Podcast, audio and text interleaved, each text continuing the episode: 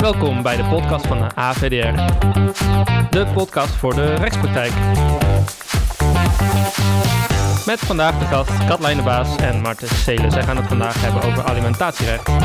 Veel plezier met weer een nieuwe aflevering van de AVDR podcast. Hey Marten, ehm, van belang is natuurlijk, we gaan het vandaag hebben vooral over partneralimentatie. En ehm, die nieuwe wet, want die is er natuurlijk met betrekking tot de duur van de partneralimentatie. Weet jij hoe die is ontstaan? Ja, Katelijne, dat weet ik wel. Ehm, in 1994 kregen we een nieuwe wet. En daarvoor moest je levenslang alimentatie betalen.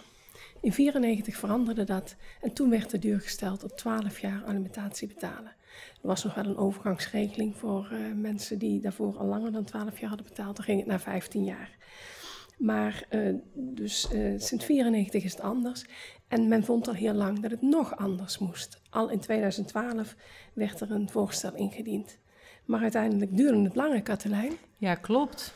Hij is er. De nieuwe wet met betrekking tot de duur partneralimentatie. Waarbij eigenlijk is bepaald dat er een maximaal is van vijf jaar. Um, het gaat om duur van het huwelijk. Hè. Dat was in het verleden natuurlijk ook al wel zo. En op het moment dat het huwelijk nu vier jaar duurt, dan zal de termijn voor de partneralimentatie maar twee jaar zijn. En op het moment dat het huwelijk vier jaar, drie jaar duurt, zal het anderhalf zijn. Dus het is eigenlijk de helft van de duur van het huwelijk. Maar we hebben wel een paar uitzonderingen uh, die ook van belang zijn. En die een beetje ook terugkijken op de vorige wet. Omdat in één keer na vijf jaar, afhankelijk van leeftijd, is natuurlijk ook wel een heel groot contrast. Dus wat de wetgever nu wel heeft gedaan, is drie uitzonderingen opgenomen in uh, deze wet. En dat gaat om kinderen die nog geen 12 jaar zijn. Uh, daar heeft de alimentatiegerechtigde recht op de alimentatie totdat het jongste kind 12 jaar is geworden. We hebben huwelijken die langer dan 5 jaar, 15 jaar duren. Uh, die hebben, uh, en mensen die binnen 10 jaar voor de AOW-gerechtigde leeftijd zitten, die hebben recht op partneralimentatie totdat ze de AOW-gerechtigde leeftijd hebben bereikt. En we hebben mensen die uh, op of voor 1 januari 1970 geboren zijn en langer dan 15 jaar gehuwd zijn. Deze mensen hebben ook recht op 10 jaar partneralimentatie. Maar wat ik me wel afvraag, want dat is iets, hè, we hebben natuurlijk en uh, die leeftijden waar, waar we mee van doen hebben, maar we hebben ook de termijnen. Hè, vijf jaar, gedeelte 2 is uh, 2,5 jaar partneralimentatie. Wanneer gaat dat nu in? Wanneer uh, gaat die termijn nu gelden? Marten, weet jij dat? Ja, als je uh, eerst alleen kijkt naar die maximale duur van uh, vijf jaar of de helft van het huwelijk. Die termijn gaat lopen op het moment dat de echtscheiding wordt ingeschreven. Dan ga je tellen hoe lang heeft het huwelijk geduurd. En dan weet je vanaf dat moment hoe lang er nog betaald moet worden. Maar voor die uitzonderingen, dus met die langer dan 15 jaar gehuwd en die AOW-gerechtigde leeftijd, daar kijk je allereerst op het moment dat het verzoek tot echtscheiding wordt ingediend, hoe lang het huwelijk heeft geduurd en wat de leeftijd op dat moment is. Oké, wat ik wel denk, hè, op basis van deze nieuwe wet, uh, want we hebben natuurlijk de verlenging partneralimentatie die je altijd kan vragen als alimentatiegerechtigde op het moment dat de alimentatieduur afloopt, denk ik dat er nu wel een grotere kans is dat die alimentatieduur verlengd wordt op het moment dat er sprake is van een zodanige ingrijpende wijziging dat dat, niet, dat, dat, niet, dat dat eigenlijk niet kan. Denk ik dat dat nu sneller zal zijn dan voorheen het geval is. Maar wat denk jij? Er is ja. natuurlijk nog geen jurisprudentie over, dus dat weten we nog niet. Maar dat is wel mijn gevoel wat nu meer gaat gebeuren. Ja, dat denk ik ook. Hè. Onder de oude wet was het natuurlijk heel moeilijk om een verlenging te krijgen. Men vond dat je het wist dat het maar 12 jaar maximaal was. En uh, daar kon je rekening mee houden. En inderdaad, omdat de termijn nu zo verkort is, denk ik ook wel dat er misschien meer mogelijkheden gaan komen. Maar het zal nog even duren voordat we het weten. Ja, inderdaad. Ik ben ook benieuwd. hey, Marten, en weet jij de grondslag eigenlijk voor die partneralimentatie? Ja, die is al heel lang geleden ooit vastgesteld. De lotsverbondenheid. Mensen die met elkaar trouwen, vindt men dat die aan elkaar verbonden zijn door het lot, zeg maar. Dus de lotsverbondenheid is de grondslag voor de partneralimentatie. In het wetsvoorstel is op een gegeven moment het voorstel gedaan om dat te verlaten en om dan de grondslag te laten zijn de compensatie die je krijgt voor tijdens het huwelijk gemaakte keuzes en het ontstaan van verdiencapaciteit in je huwelijk.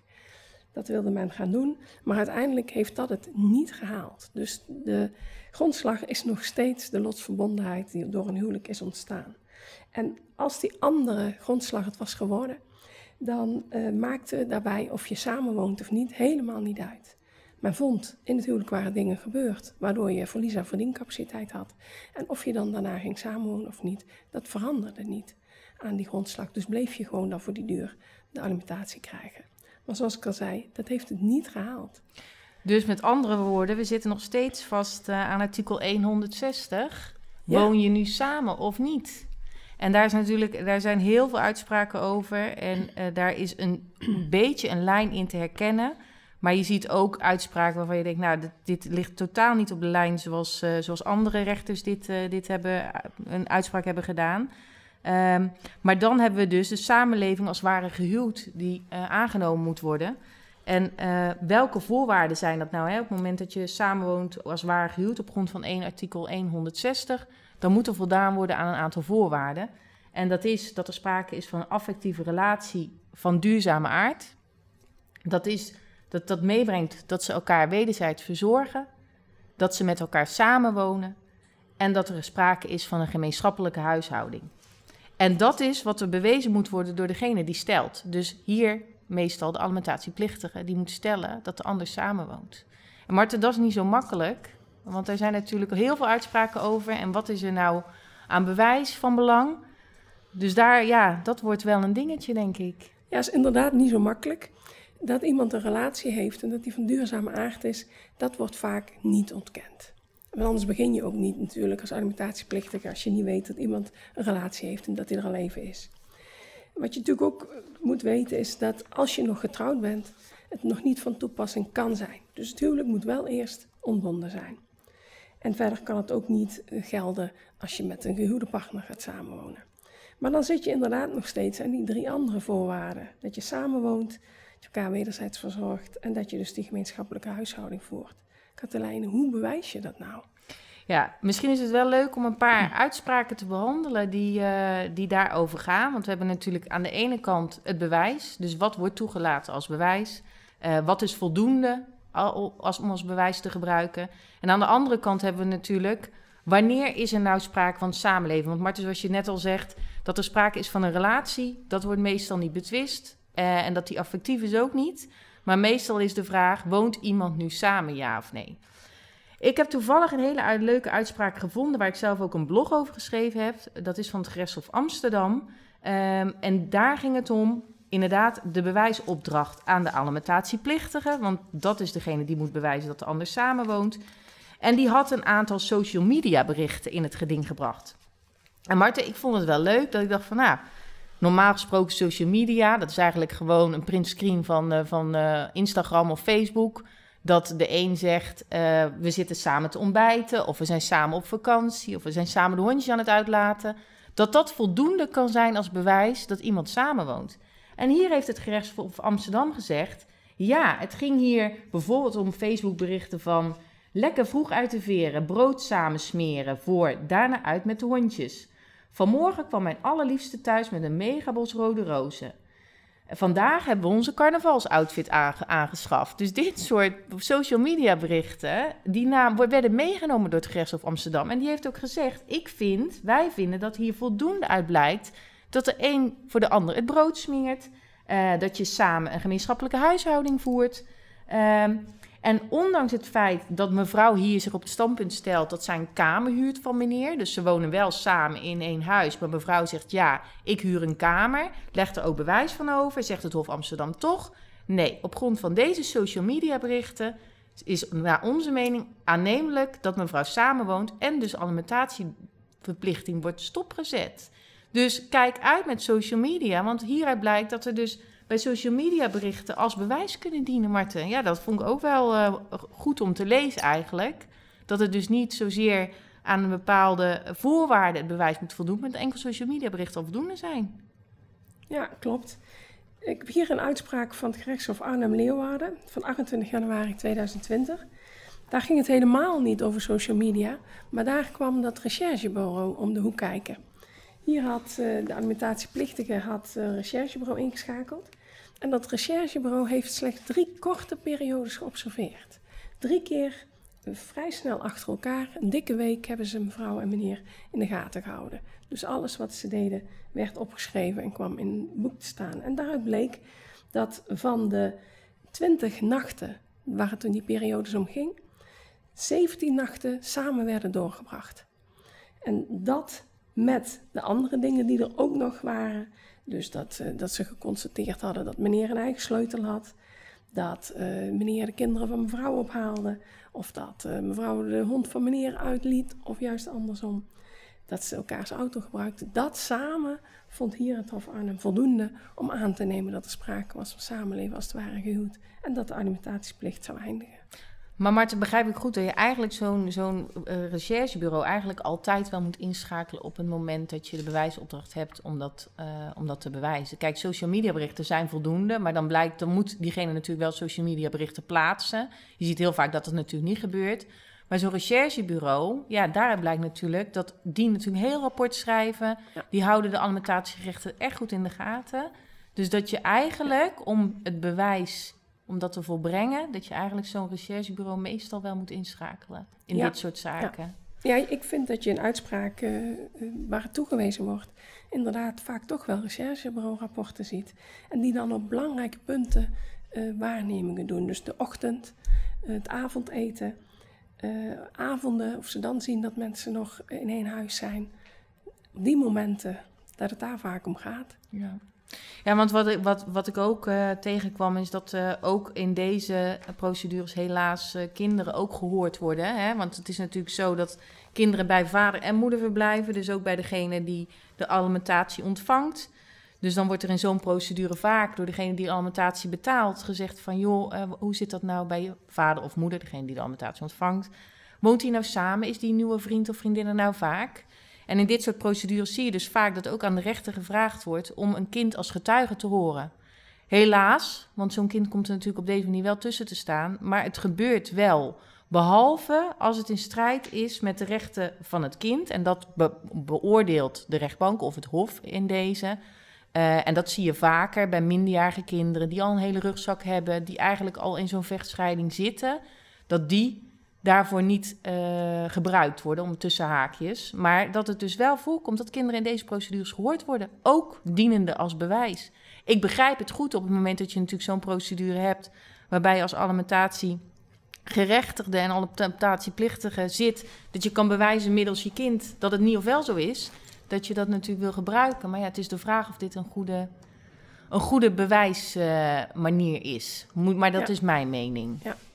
Ik ben dan eerder voor een bedrijfsrecherche ja. of een recherchebureau, eerlijk gezegd. Of social media. Ja, en zelfs uh, meerderjarige kinderen kan het nog heel moeilijk voor zijn, hè? Ja, inderdaad. Waarvoor je wel vaker ziet dat ze verklaringen afgeven of een schriftelijke verklaring. Maar zelfs die zitten natuurlijk toch gewoon klem tussen hun ouders. Uh. Ja. Maar het wordt dus wel uh, gehonoreerd. Het ja. is niet zo dat de rechtbank of het hof het gelijk afwijst. Behalve als het in strijd is met het recht van het kind. Dus eigenlijk als degene die uh, de getuige van het kind tegen zich heeft, zal een beroep moeten doen op die uh, verdrag van de rechten van het kind. Ja. Om aan te tonen dat een kind hierdoor klem komt te zitten. Maar dat is in ieder geval de, bewijs, de bewijspunten die, uh, die wij inderdaad tegenkwamen in de uitspraken. En dan die heel erg van belang zijn, omdat die artikel 160 procedures natuurlijk heel veel bewijs nodig hebben. En voor degene die stelt, moet bewijzen. Maar Martin, niet altijd, hè? Nee, nee. Het Hof. Um Arnhem Leeuwarden bijvoorbeeld van uh, volgens mij 18 mei 2021, die zei uit de samenstel van de omstandigheden vonden ze voldoende gebleken dat partijen samenwoonden. En dan kreeg mevrouw de gerechtigde gelegenheid om tegenbewijs te leveren. Oké, okay, maar dat komt inderdaad niet vaak voor. Nee. Hey, en als we en, naar die ja, uitspraak... Oh, ja, ja, inderdaad, als we naar die uitspraak kijken ook... Uh, hè, dan zie je ook omstandigheden die net al genoemd werden. Dat ze samen boodschappen gaan doen. Dat uh, het recherchebureau constateert dat iemand zonder tas met kleden, kleding naar binnen gaat... maar de volgende dag wel andere kleren aan heeft. Dus die moeten daar gewoon liggen. Um, samen eten, dat ze constateren en dat soort dingen. Die omstandigheden worden heel erg door zo'n recherchebureau natuurlijk op die belangrijke momenten geconstateerd en naar voren gebracht. En dan vindt men inderdaad dat het dan wel voldaan wordt aan samenwonen als het ware gehuwd.